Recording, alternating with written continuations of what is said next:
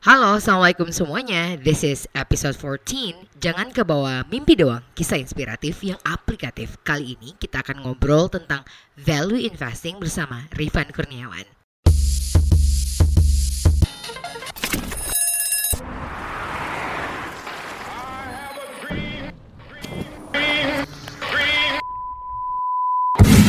Don't act like you forgot. You are listening to Jangan Kebawa Mimpi Doang, kisah inspiratif yang aplikatif. Halo, Assalamualaikum semuanya. This is episode 14. Jangan kebawa mimpi doang, kisah inspiratif yang aplikatif. Di episode ke-14 ini kita akan ngobrol tentang value investing bersama Mas Rifan seperti yang tadi kita obrolin. Kenapa sih ini kita ngomongin tiba-tiba kayak towards money gitu? Karena ini benar-benar related ke episode kita sebelumnya yaitu tentang financial freedom. Ini adalah salah, salah satu tools yang sangat efektif sekali untuk teman-teman aplikasikan dan jangan ke bawah mimpi doang ya untuk menciptakan yang namanya passive income. Dan ternyata setelah lama belajar tentang investasi di stok dan saham, ini baru pertama kali gue ngerasain ada step by step dan penjelasan lengkap jelas bagaimana memulai investasi di pasar saham. Without any further ado, check this out.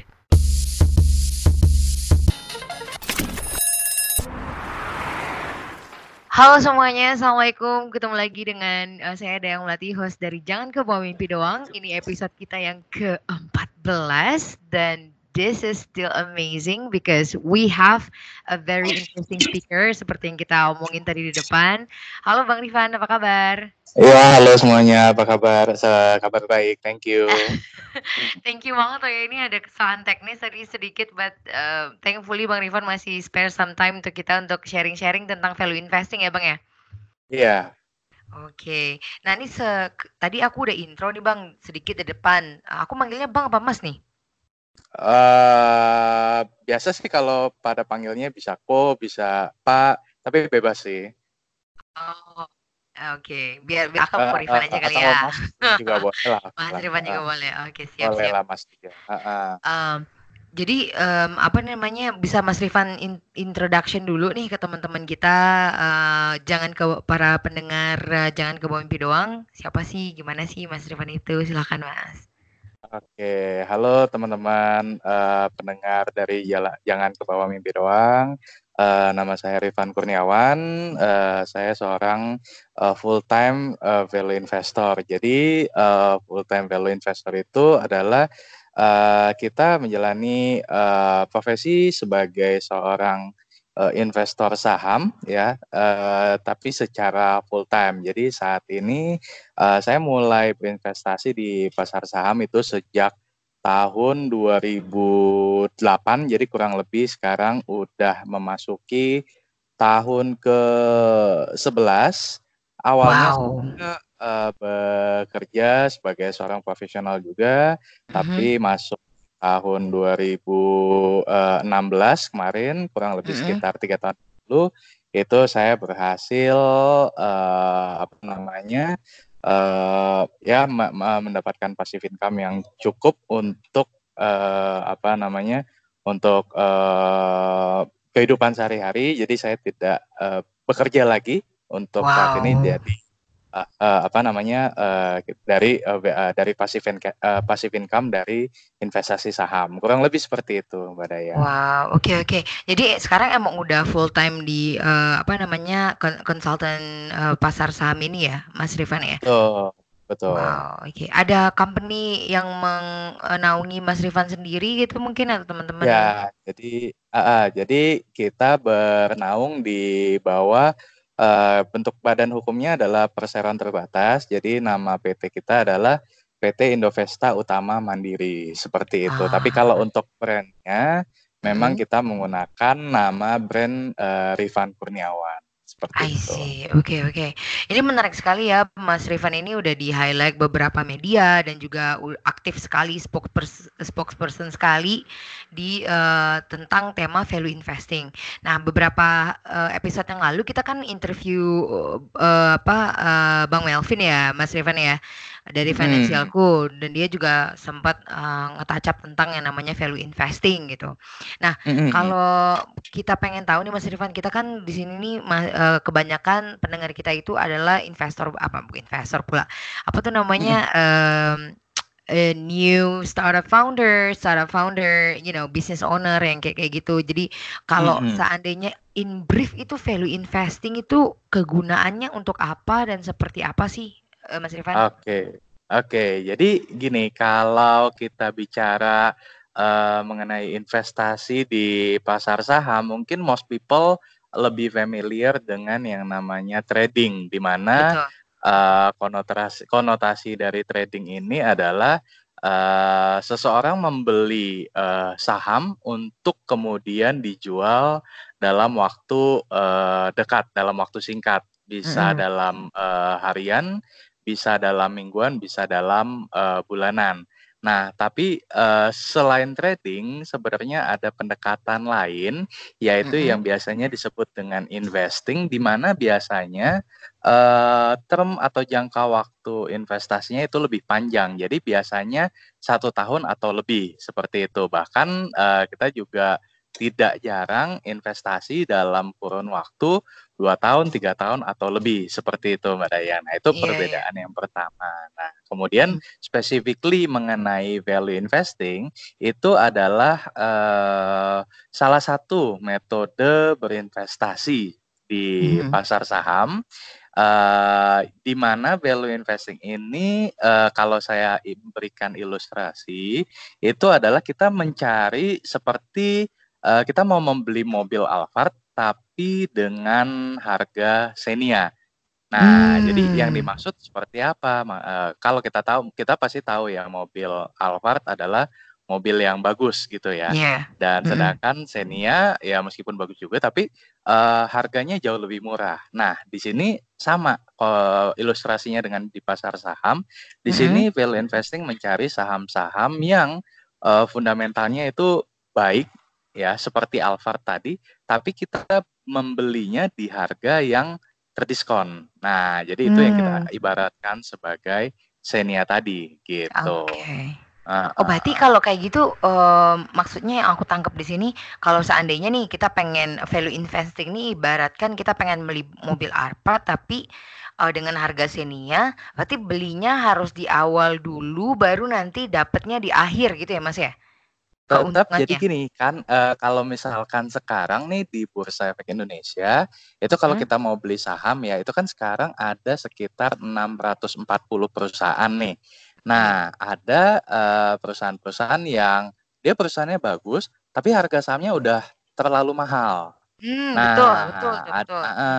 ada juga tapi ada juga nih perusahaan-perusahaan yang fundamentalnya bagus tapi eh, secara valuasi harganya masih murah. Nah, murah di sini yang kita maksudkan adalah Hmm? murah secara value-nya. Jadi ma- ilustrasinya seperti ini, Mbak Dayang. Mm-mm. Katakanlah kita ingin mencari saham A yang saat ini eh, bisa dikatakan harga wajarnya si saham A ini adalah di seribu rupiah. Mm-mm. Tapi kita membeli saham A tadi itu bukan di harga seribu rupiah, tapi kita membelinya di harga katakanlah lima ratus rupiah. Nah, berarti artinya kita membeli saham A tersebut dengan eh, diskon 50%. Nah, diskon Hmm. itulah eh, jadi kita eh, mencari saham-saham yang tadi fundamentalnya bagus, tapi harganya kita nyari yang harganya lagi terdiskon nih. Terdiskonnya Hmm. terhadap apa? Terhadap harga wajarnya tadi, Mbak Dayang, seperti Oke, itu. oke. Heeh. Nah, menarik ya nih Mas ya. Soalnya kan eh, ada sebagian orang yang apa ya kita para pebisnis itu ataupun para startup founder yang em, familiar dengan digital marketing eh, dan semua aset-aset eh, internet digital gitu kan ngerasa this is still too complicated for me gitu yang kayak ah investing ini terlalu, terlalu complicated gitu apa Ya. selain tadi yang tadi kan benefit dari value investing itu kan harganya yang be- benar-benar terdiskon apa sih Mas yang yang kira-kira benar-benar bisa bikin orang tuh you have actually worth it to invest in value investing gitu. Oke, jadi uh, mungkin uh, saya cerita sedikit mengenai pengalaman kali ya. Mm-mm, boleh banget. Nah, mm. Oke, jadi gini, uh, mungkin Mbak Dayang atau teman-teman di sini ad, pasti semua tahu uh, Ultra Jaya dong ya, susu yeah. Ultra, mm-hmm. tahu ya susu Ultra, kemudian uh, teh botol kotak. Nah, susu Ultra dan teh botol kotak itu kan bernaung di bawah perusahaan yang namanya uh, PT Ultra Jaya. Nah, kalau di Bursa Efek Indonesia nih kode sahamnya ULTJ. Nah, hmm. jadi kita ini sebenarnya cerita waktu saya di tahun 2012 itu pertama kali mem, pernah membeli saham Ultra Jaya ini, saham ULTJ tadi di harga 400-an.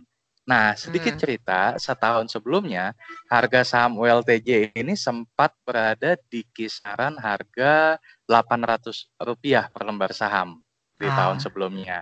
Nah, hmm. artinya dalam waktu setahun kan berarti harga sahamnya turun ke eh, 400 berarti turun sekitar 50%. Betul iya, ya? betul. Mm Nah, padahal kalau kita pelajari di dalam laporan keuangannya pendapat uh, apa uh, omsetnya si Ultra Jaya ini masih bertumbuh secara positif. Laba bersih atau profitnya dia itu masih bertumbuh secara positif. Kemudian apa namanya uh, arus kasnya juga masih positif dan lain sebagainya. Jadi singkat cerita si kinerjanya Ultra Jaya ini terus meningkat tapi di sisi lain harga sahamnya turun 50%. Nah, hmm. jadi setelah kita melakukan valuasi, jadi ada hitung-hitungannya tuh, Mbak yeah. Dayang. Oh, yeah. kita mengestimasi bahwa saham Ultra Jaya ini seharusnya nggak layak nih dihargai di harga 400. Hmm. Menurut hitung-hitungan valuasi tadi, seharusnya si uh, saham Ultra Jaya ini layaknya dihargai di seribu rupiah. Nah, wow. Nah, seperti yang tadi saya ya. ilustrasikan, iya, ya, hmm. jadi kita membeli saham Ultra Jaya yang harga wajarnya itu di seribu rupiah, tapi waktu itu kita berhasil membelinya karena harga sahamnya jeblok ya dari 800 ke 400, mm -hmm. kita belinya di harga 400 rupiah. Berarti kan kita membeli dengan diskon kurang lebih 60 persen, betul ya? Iya, betul. betul. Nah, mm. kita kurang lebih hold uh, saham Ultra Jaya itu sekitar satu setengah sampai dua tahun dan mm. kemudian harga sahamnya uh, benar kemudian bergerak naik ke seribu rupiah waktu itu. Wow. Berarti kan kurang lebih uh, mengalami kenaikan sekitar 150 persen dalam waktu satu setengah tahun. Jadi ibaratnya nih kalau misalkan nih teman-teman uh, invest di saham Ultra Jaya waktu itu let's say misalkan 10 juta rupiah. Mm -hmm. Nah berarti dalam waktu setengah, satu setengah tahun uh, nilai uh, investasinya dari 10 juta tadi akan bertambah menjadi 25 juta rupiah, berarti kan dapat keuntungan 15 juta rupiah. Betul ya. Wow. Nah, tapi kalau misalkan nah investnya 100 juta ya berarti hmm. jadi 250 hmm. juta. Kalau Yoi. investnya 1 M ya jadi dua setengah M. Nah, wow. jadi seperti uh. itu. Wadah ya. Iya, ini menarik banget loh, uh, Mas Rifan. Soalnya kan gini nih, mungkin teman-teman kita yang, um, apa namanya, pertama kali dengerin, uh, podcast, uh, bertema value investing ini kita dingin banget tentang uh, kita benar-benar pengen bicarain banget tentang investasi ini. Karena kita udah hmm. ngerasa kayak awareness tentang financial financial, uh, apa namanya, financial financial arrangement, financial freedom itu sekarang lagi marak banget dibicarakan di uh, kalangan millennials gitu. Nah, sekarang Betul. nih Mas, kalau seandainya teman-teman hmm. yang baru uh, dengerin podcast ini pengen nih uh, hmm. untuk bergabung uh, di uh, pengen mulai uh, invest di value investing, kalau cara damisnya atau begonya tuh gimana sih mulainya Mas Rifan? Oke, jadi uh, kita asumsi ini benar-benar dari start from zero ya, sama sekali dari nol ya. Hmm, hmm. Nah, jadi yang pertama nih teman-teman perlu buka dulu yang namanya ah ya? Bentar, ini kita lagi lagi ngambil pulpen nih kayaknya anak-anak nih. Takut lupa soalnya. Oke, lanjut. Oke. Nah, jadi uh, ya jadi kita start from zero ya. Jadi uh, kita asumsikan teman-teman sama sekali belum mulai dan baru mau memulai perjalanan sebagai seorang investor gitu ya. Nah, jadi yang harus dilakukan pertama kali itu adalah uh, pastinya membuka rekening saham. Nah, hmm. karena kita nggak bisa membeli saham langsung dari rekening bank kita, Mbak Daya. Hmm. Jadi langkah pertama yang perlu teman-teman lakukan adalah membuka rekening saham. Nah, gimana caranya membuka rekening saham? Nah, teman-teman silakan uh, googling googling aja coba Google dengan keyword perusahaan sekuritas di kota mana, misalkan domisili Hmm. teman-teman berada. Misalkan nih, perusahaan sekuritas di kota Jakarta, atau perusahaan sekuritas di kota Pontianak, atau perusahaan sekuritas di kota Surabaya. Nah, nanti akan muncul tuh eh, list-list perusahaan sekuritas yang ada di kota teman-teman sekalian. Nah, Ya. kemudian teman-teman silahkan aja eh, bisa datang langsung ke perusahaan sekuritasnya, atau bisa juga kontak dulu via apa namanya via email atau misalkan Hmm. ada customer service-nya, teman-teman tanya aja, "Eh, saya mau buka rekening saham dong, eh, tolong dibantu caranya." Nah, nanti akan dibantu oleh si customer service-nya. Nah, usually Mm-mm. eh, persyaratannya sangat simpel kok, cuma butuh kayak eh, fotokopi KTP, fotokopi NPWP, eh, Hmm. sama satu lagi satu lagi eh, cover buku tabungan dan kemudian Hmm. nanti teman-teman hanya perlu mengisi form eh, registrasi eh, untuk pembukaan rekeningnya. Nah, Iya. jadi itu kurang lebih butuh waktu sekitar mungkin sekitar 1 sampai 2 minggu at maksimum lah. Mm-mm. Nah, katakanlah setelah teman-teman ini sudah jadi nih rekening sahamnya, tinggal transfer sebenarnya, tinggal transfer dari eh, apa namanya dari rekening bank tadi ke rekening eh, sahamnya. Nah, Hmm. jadi setelah ditransfer barulah teman-teman bisa membeli eh, saham dari 640 perusahaan yang ada di Bursa Efek Indonesia yang sudah terdaftar seperti itu. Iya. Nah, tadi itu langkah eh, awal. Ba- banget banget. Ini tadi menarik banget ya Bang ya. Tadi ngomong kayak ada 640 perusahaan yang terdaftar loh teman-teman di Bursa Efek Indonesia dan satu papernya itu satu saham itu harganya ke- dari 400 rupiah sampai 1000 ya Mas ya. Itu ada Sebenarnya ketentuan. yang paling murah itu, oh ya kalau ketentuan setorannya ya maksudnya ya. Mm-mm. Iya. Nah kalau jadi gini, kalau dulu di zaman saya, saya kan mulai tahun 2008 itu minimum setoran awal itu 10 juta rupiah, Mbak. Dayang. Tapi sekarang nih per tahun 2015 dari pihak regulator Bursa Efek Indonesia itu sudah sangat memudahkan. Jadi nggak perlu lagi dari startnya dari 10 juta, tapi sekarang startnya dari 100 ribu rupiah aja. Wow. Itu Wow. eh, teman-teman udah bisa memulai sebagai eh, investor saham gitu. Nah kalau untuk eh, harga saham sendiri itu eh, range harganya bervariasi ya. Dari Mm. yang terendah ada yang 50 rupiah pun ada, tapi yang Mm-mm. tertinggi pun yang sampai 70 ribu rupiah pun per lembar saham ada. Nah, jadi eh, minimum yang bisa kita beli itu satu lot. Jadi satu lot itu adalah 100 lembar saham. Misalkan nih, saya Mm-mm. sekarang mau membeli eh, saham katakanlah PT Astra Internasional. Nah, kalau PT Astra Mm-mm. Internasional pasti semua tahu ya. Iya. Nah, jadi saya mau jadi pemegang sahamnya Astra nih. Gimana caranya?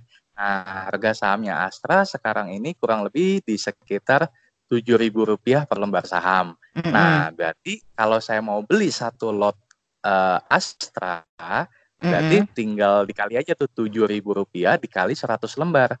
Wow. Berarti sekitar eh, Rp700.000. Jadi teman-teman eh, setor dana Rp700.000 dari rekening saham ke eh dari rekening bank ke rekening Mhm. saham Rp700.000. Nah, langsung bisa beli satu lot eh, apa namanya sahamnya si PT Asa Internasional tadi gitu. Hmm, wow. Ini I mean that sounds so simple dan kayaknya bakal rugi banget ya Mas ya kalau seandainya teman-teman nih nggak langsung eksekusi habis ini. Jangan dibawa mimpi doang Iya. nih ya advice-advice-nya. Soalnya Ya, karena kebanyakan kan kayak mana gitu ya lagi Mas ya. Mm. ada investasi yang bisa menghasilkan. Jadi kalau misalkan ditarik garis eh, secara jangka panjang ya Mbak Dayang. Mm-mm. Jadi Iya. investasi saham ini secara average ya itu IHSG kita indeks harga saham gabungan itu bisa bertumbuh hingga mencapai 20% per tahunnya. Jadi ini benar-benar di atas eh, inflasi. Kalau misalkan nih teman-teman Iya. punya duit nih, oh saya punya duit katakanlah eh, 1 M gitu ya. Mm-mm. Tapi cuma ditaruh di bank doang. Nah, bunga bank itu kan cuma satu persen. Sementara inflasi rata-rata bisa 7% per tahun. Nah, Betul. berarti kan eh, uang teman-teman nih bukannya bertambah tapi malah berkurang. Nah, makanya tujuan dari investasi ini adalah untuk menambahkan, menumbuhkan eh, dana yang tidur tadi gitu. Jadi kitanya bekerja keras tapi dananya juga kita suruh lebih kerja kerja keras lagi nih buat kita gitu. Hmm, Oke, Kayak aku tuh pernah nonton ini nih, uh, Mas Rifan, um, apa namanya Financial Freedom by Raditya Dika gitu di vlognya gitu kan. Dia ngomong yang masalah tentang investasi, um, yang mana dia berinvestasi jangka panjang. Nah ini ngerimain aku tentang yang tadi dibilangin sama Mas Rifan. This is such a this is a long journey gitu yang it takes like one until two years of um, of time to to to get the profit ini benar kalau seandainya nih kita mulai investasi nih teman-teman di luar sana, oke gue udah telepon, gue udah ini, terus akhirnya dia nge-trade contohnya eh nge-invest di uh, saham tadi lah istilahnya uh, Ultra Jaya gitu kan. Itu uh, mindsetnya apa sih mas yang kita harus come up with gitu? Apakah benar okay. kita harus nungguin itu? Apakah harus di top up setiap bulannya, harus dibeli setiap slot gitu kan? Baru setelah okay. dua tahun diituin atau gimana? Because kita dengar ada yang namanya saham gorengan yang oh harus ini segala macam yeah. makanya ikut gitu kan mas gimana tuh? Jadi uh, tadi saya sempat mention bahwa hmm? uh, saat ini kan ada sekitar 640 perusahaan di Bursa Efek Indonesia. Nah sebagai seorang investor, I have to admit bahwa uh, tidak semua perusahaan yang ada di Bursa Efek Indonesia tersebut uh, memiliki kinerja yang bagus. Jadi -hmm. ada juga nih perusahaan-perusahaan yang uh, dia rugi terus Mbak Dayang. Mm-hmm. Nah, mm-hmm. tentunya kan kita nggak pingin dong uh, investasi di perusahaan yang rugi. Nah, saham-saham gorengan tadi itu biasanya adalah saham-saham yang memang kinerjanya sedari awal itu udah nggak bagus, ya kan? Mm-hmm. Ya, tapi uh, dia menjual, menjual, menjual, menjual bumbu lah kita bilang hmm. bahwa dia akan melakukan aksi korporasi ini, melakukan aksi korporasi itu yang membuat kemudian investor yang nggak ngerti nih itu langsung berlomba-lomba beli sahamnya dia gitu. Padahal secara fundamentalnya ini perusahaan rugi. Nah, jadi uh, saran saya buat teman-teman yang pertama nih kalau misalkan teman-teman udah start the journey sebagai seorang investor adalah milikilah mindset uh, layaknya seorang uh, apa namanya pemilik bisnis. Jadi bukan hmm. mindset uh, apa namanya spekulator atau mindset penjudi. Nah, bedanya hmm. Bedanya adalah gini, kalau misalkan nih teman-teman katakanlah benar-benar kan uh, apa namanya banyak juga yang startup founder gitu ya. ya betul, Pasti teman-teman tahu dong bahwa kalau misalkan nih saya punya dana satu miliar let's say, saya mau invest di perusahaan yang mana nih? Perusahaan yang sehat atau perusahaan yang sebenarnya dia uh, nggak sehat? Nah, hmm. most likely pasti kita pengen uh, invest di perusahaan yang sehat dong. Iya, Nah, betul. jadi itu itu uh, mindset pertama sih yang perlu teman-teman ketahui. Nah, hmm. apa yang kedua adalah tadi uh, milikilah mindset sebagai selayaknya seorang pemilik bisnis. Misalkan nih, saya mau invest di saham Ultra Jaya. Ketika saya membeli saham uh, Ultra Jaya, maka sudah selayaknya saya berpikir sebagai seorang pemilik bisnisnya Ultra Jaya. Maksudnya gimana? Contoh, kira-kira saya tahu nggak ya pesaingnya si Ultra Jaya nih sekarang siapa aja. Ya, kemudian kita juga perlu pelajari nih, oh kira-kira prospek pertumbuhan eh, konsumsi susu ke depannya bakal seperti apa ya?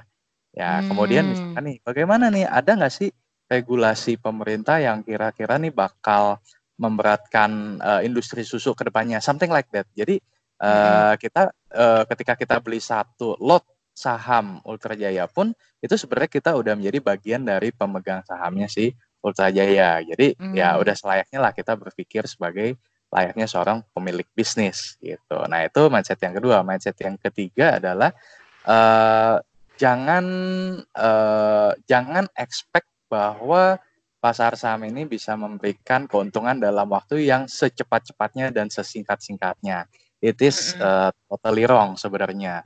Banyak orang yang saya harus akui malah kehilangan uangnya karena gara-garanya ya dia ber, keburu nafsu, keburu mm. nafsu ngelihat uh, apa namanya saham-saham yang harganya terus-menerus naik dan dia pengen dat- dapat duit cepat. Nah, saya bisa bilang bahwa itu justru cara yang paling cepat kalau kamu mau kehilangan uang. Nah, silakan. Mm. Tapi saya nggak saranin itu dong pastinya. Nah, yeah, yeah. Ya, Uh, uh, jadi uh, setelah apa uh, pasar saham ini bisa menghasilkan uh, keuntungan yang besar bahkan sangat besar uh, tapi membutuhkan yang namanya waktu ya. Tadi saya cerita, Mm -mm. ya saya butuh waktu satu setengah sampai dua tahun supaya bisa mendapatkan profit 100%, ya kan? Nggak mungkin Hmm. saya bisa mendapatkan itu dalam waktu satu hari, satu minggu, or even satu bulan. Ya Iya, butuh iya. waktu setidaknya satu setengah atau dua tahun. Tapi kalau kita compare dengan deposito, which is yang sekarang adalah 4%, kurang lebih 4% per tahun, maka kalau Mm-mm. kita harus menunggu dua tahun untuk dapat profit 100%, I think it's uh, totally worth it lah ya, gitu. Iya. Uh, Oke. uh, uh, jadi Wow. kurang lebih itu sih barangnya. Mm-mm. Ini menarik ya Mas ya. Eh, berarti em, pertanyaan yang agak teknikal lagi nih next. Ketika kita Mm-mm. misalnya udah investasi em, misalnya yang 7000 tadi itu sama apa sih Astra ya? Eh, beli 100 satu lot which is berarti 700 ribu. So in the meantime kayak setelah dua bulan kita investasi ternyata value inve- eh, value dari em, sahamnya turun menjadi 3000 contohnya. Mm-mm. Berarti kan kita Mm-mm. udah kehilangan mm, 400 ribu ya. Tapi Mm-mm. apakah itu itu cuma nilai uang kita pada saat itu aja kan? Maksudnya Iya. we don't lose anything like our bank will be corrupted atau diambil di di defisitin di akun kita enggak kan? Oh, enggak, enggak. Jadi eh, gini, kalau eh, saham itu berbeda dengan eh, let's say kayak instrumen lain kayak forex Hmm. atau futures. Kalau eh, forex atau futures mungkin ya seperti itu. Tapi Iya, kalau di saham karena dia sifatnya kan sebenarnya kepemilikan. Jadi betul. tidak ada paksaan untuk harus menjual eh apa namanya kepemilikan saham kita. Jadi let's say misalkan seperti ini. eh, harga saham Asa tadi misalkan teman-teman beli di 7.000 and then misalkan eh, for some reason harga sahamnya let's say turun ke 5.000 let's say misalkan Iya. ya kan Mm-mm. karena ada eh, apa namanya karena ada sentimen negatif dan segala macam. Secara value yes nilai investasinya tadi dari 700.000 eh, berkurang menjadi 500.000 tapi as long as kita tidak menjual kepemilikan saham kita di Astra tersebut, kita nggak kehilangan uang kita sama sekali, hanya value-nya aja yang berkurang. Nah, let's say misalkan Ah. nanti eh ya apa in the next year, let's say ternyata eh, harga sahamnya kembali bergerak naik nih ke Mm-mm. let's say misalkan eh, 10.000 ya Iya. kan. Nah, jadi value dari eh, nilai investasi kita yang tadinya sempat loss jadi lim, eh, dari 700.000 kemudian jadi 500.000 itu balik lagi ke satu juta ketika harga Hmm. sahamnya menyentuh let's say 10.000 Sepuluh gitu. ribu. Jadi kata Hmm. kuncinya di sini as long as teman-teman nggak menjual kepemilikan eh, sahamnya itu Mm-mm. masih sifatnya adalah eh, floating loss aja. Jadi bukan yang benar-benar sudah di realize gitu. Wow, tahu nggak sih selama ini aku belajar tentang investasi ini kayak kayak apa kayak blue light-nya nih. Oh ternyata kayak gitu gitu. Sempat main main forex juga kan Mas. Jadi soalnya oh tiba-tiba langsung beli lot ini, oh tiba-tiba uangnya langsung raib hilang. ya itu makanya perbedaan memang perbedaannya di situ, Mbak Daya. Oke oke. So we've been talking about the good side of value investing ya Mas ya. Jadi Ya. kira-kira nih kita kan juga nggak nggak nggak bakal muna ya istilahnya there are two side of the coins. There will be a Ya. risk as well gitu loh. Nah apa sih kira-kira risk yang yang yang yang yang I suppose manageable lah istilahnya ya, Ya, yang ah, ah. harus kita foresee sebagai investor di value investing ini? Oke.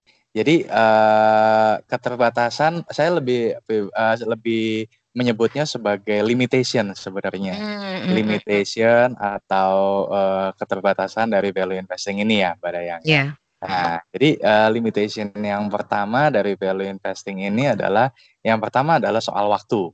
Hmm. Nah, kenapa? Eh, seperti yang tadi sempat saya mention di value investing ini sebenarnya kita bukan hanya mencari saham-saham yang bisa menghasilkan keuntungan 5 atau 10% aja Mbak Dayang, tapi yang kita cari tadi bisa menghasilkan keuntungan eh, 50%, 100% atau bahkan lebih dari 100%. Nah, maka dari itu sebenarnya keterbat salah satu keterbatasan dari value investing ini adalah soal yang namanya waktu.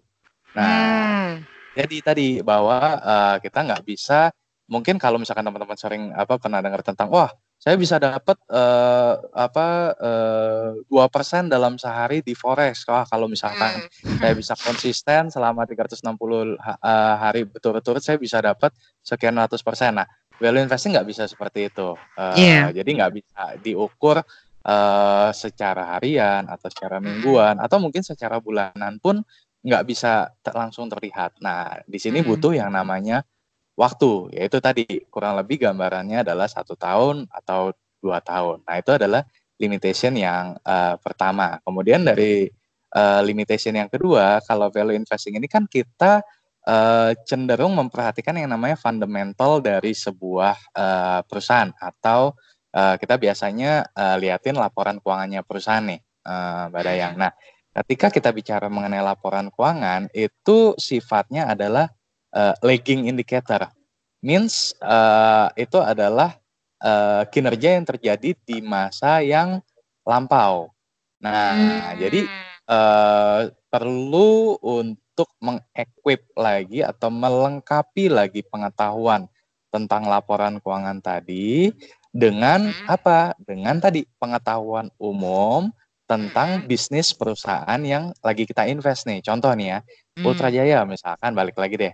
Ultra yeah. Jaya dari tahun 2011 sampai 2019 misalkan kinerja laporan keuangannya bagus, labanya naik, pendapatannya naik. Eh tapi ternyata ke depannya, let's say kita nggak tahu ya, misalkan nih uh, ada faktor uh, brand-brand susu dari luar yang kemudian diimpor besar-besaran ke Indonesia. Yeah. Mm-hmm. Nah itu yang itu yang uh, belum tercermin di dalam laporan keuangan tadi. Nah sebagai mm-hmm investor itu adalah salah satu limitation lainnya. Nah, oleh karena itu tadi kita perlu untuk punya uh, pengetahuan yang luas mengenai sektor industri yang lagi kita invest nih sahamnya. Hmm. Ya, kalau emang laporan keuangannya bagus, tapi ke depannya akan ada impor besar-besaran, ya berarti kan itu akan menjadi uh, negatif uh, setback buat hmm. si uh, pemegang sahamnya uh, Ultra Jaya misalkan seperti itu. Uh, yeah, yeah. Jadi itu tadi sih beberapa limitation dari uh, value investing. Oke, okay. oh ini menarik banget ya. Kayak I mean like I have like countless question after this gitu loh kayaknya. Oke, okay, so um, to end this session nggak kerasa ini udah udah 30 menitan lebih ya Mas ya.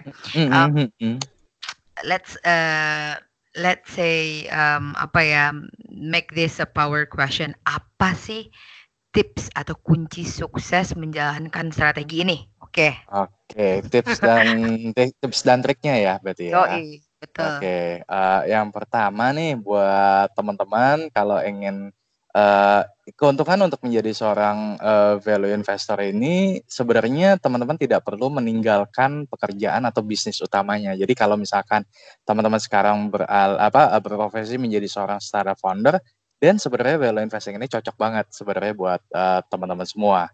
Uh, uh, kenapa? Karena tadi uh, kita nggak perlu untuk me melihat pergerakan harga saham setiap harinya. Jadi uh, value investing ini kadang ada yang bilang ini cara sambil apa cara jadi kaya sambil tidur mbak Daya. Hmm. Ya maksudnya gimana? Jadi kita nggak perlu liatin pergerakan harga sahamnya setiap hari. Tadi cukup kita uh, ketemu saham yang kita pengen invest, yang salah harga tadi ya.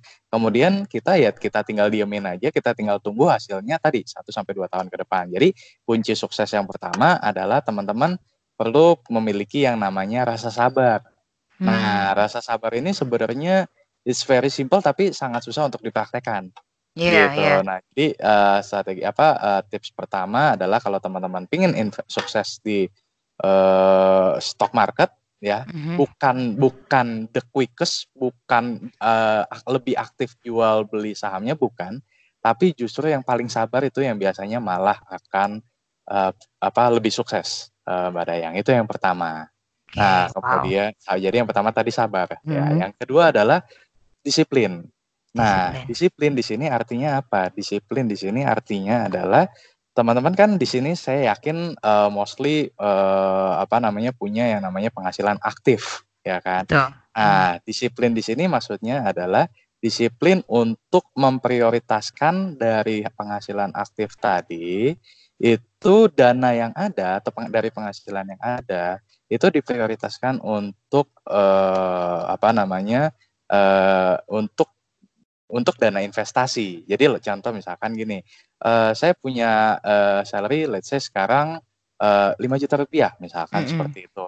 Nah uh, dari 5 juta rupiah tadi kalau bisa misalkan nih coba sisihkan uh, 2 juta misalkan ya kan. Jadi hmm. uh, setiap bulannya nih teman-teman disiplin tambah dana investasinya 2 juta, 2 juta, 2 juta, 2 juta.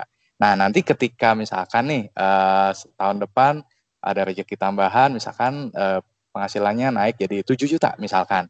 Nah, hmm. kalau bisa dana investasinya tadi juga bertambah. Jadi hmm. bukan stay di 2 juta tapi juga misalkan bisa naik ke 3 juta. Terus hmm. misalkan nanti penghasilannya nambah lagi.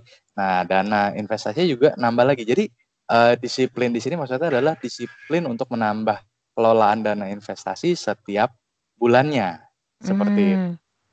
Nah, yang okay. ketiga ya Bapak teman-teman memang perlu mempelajari yang namanya uh, laporan keuangan dasar. Nah, mungkin untuk mempelajari laporan keuangan dasar ini nanti kalau misalkan uh, teman-teman pengen tahu lebih lanjut ya nanti mungkin boleh uh, Mbak Dayang share juga uh, apa profil uh, dari saya gitu. Mm -hmm. Nah, nanti mungkin teman-teman bisa cek lebih jauh lah uh, gimana sih cara uh, membaca laporan keuangan yang baik. Soalnya kita juga ada pelatihan-pelatihan ya okay. mungkin nanti bisa membantu teman-teman sekalian seperti itu. Jadi kurang lebih tiga tiga wow. kunci sukses itu sih. Yang pertama ya pastinya tadi sabar, yang kedua adalah disiplin, ya kan. Yang ketiga adalah hmm. ya pelajari uh, apa namanya analisa fundamental, pelajari bagaimana uh, menganalisa laporan keuangan dan lain sebagainya. Wow, I mean This is kayak one of the most powerful juga nih untuk uh, teman-teman yang pengen invest di value investing di stock market ya. Aku iya. harap yeah. semuanya udah dapat uh, apa namanya udah dapat caranya memulai gimana, untuk tips suksesnya kayak gimana, terus apa aja yang harus dilakukan, uh, tips and triknya. Kalau lebih lanjut kita bisa nyari di mana nih Mas? Kita uh, bisa check out di mana nih kira-kira kalau okay. teman-teman pengen nanya lebih lanjut. Oke, okay, jadi teman-teman kalau misalkan emang pengen tahu lebih dalam mengenai uh, value investing ini bisa check out di my Instagram mm-hmm. di @rifan.kurniawan atau please check out my website di www.rifankurniawan.com. Wow, wow, Woof. That's all everyone. I think you guys uh, kayaknya pada nggak nggak nggak ngantuk nih di sini kayaknya ini kan kita bakal launching malam nih. Seperti wah besok gue pengen langsung hubungin ininya gitu. It feels like that for me at least gitu. Yang kayak wah ternyata ini benar-benar uh, apa namanya salah satu jalan yang bagus untuk mengamankan keuangan dan make up some very good passive income ya Mas Rifan ya Iya betul, karena memang tujuan utama dari investasi saham ini uh, pengen mendapatkan passive income. Jadi active income-nya adalah dari bisnis atau dari pekerjaan utama kita, passive mm-hmm. income-nya adalah dari investasi saham dengan value investing ini. ya. Oh, thank you so much Mas Rifan and that's all. You're welcome. Semoga bermanfaat. Uh, sangat bermanfaat. Sampai jumpa Mas Rifan. Bye. This is your yeah. episode 14. Jangan kebawa mimpi doang by Dynamic Indonesia, a marketing and branding agency. Bye everyone.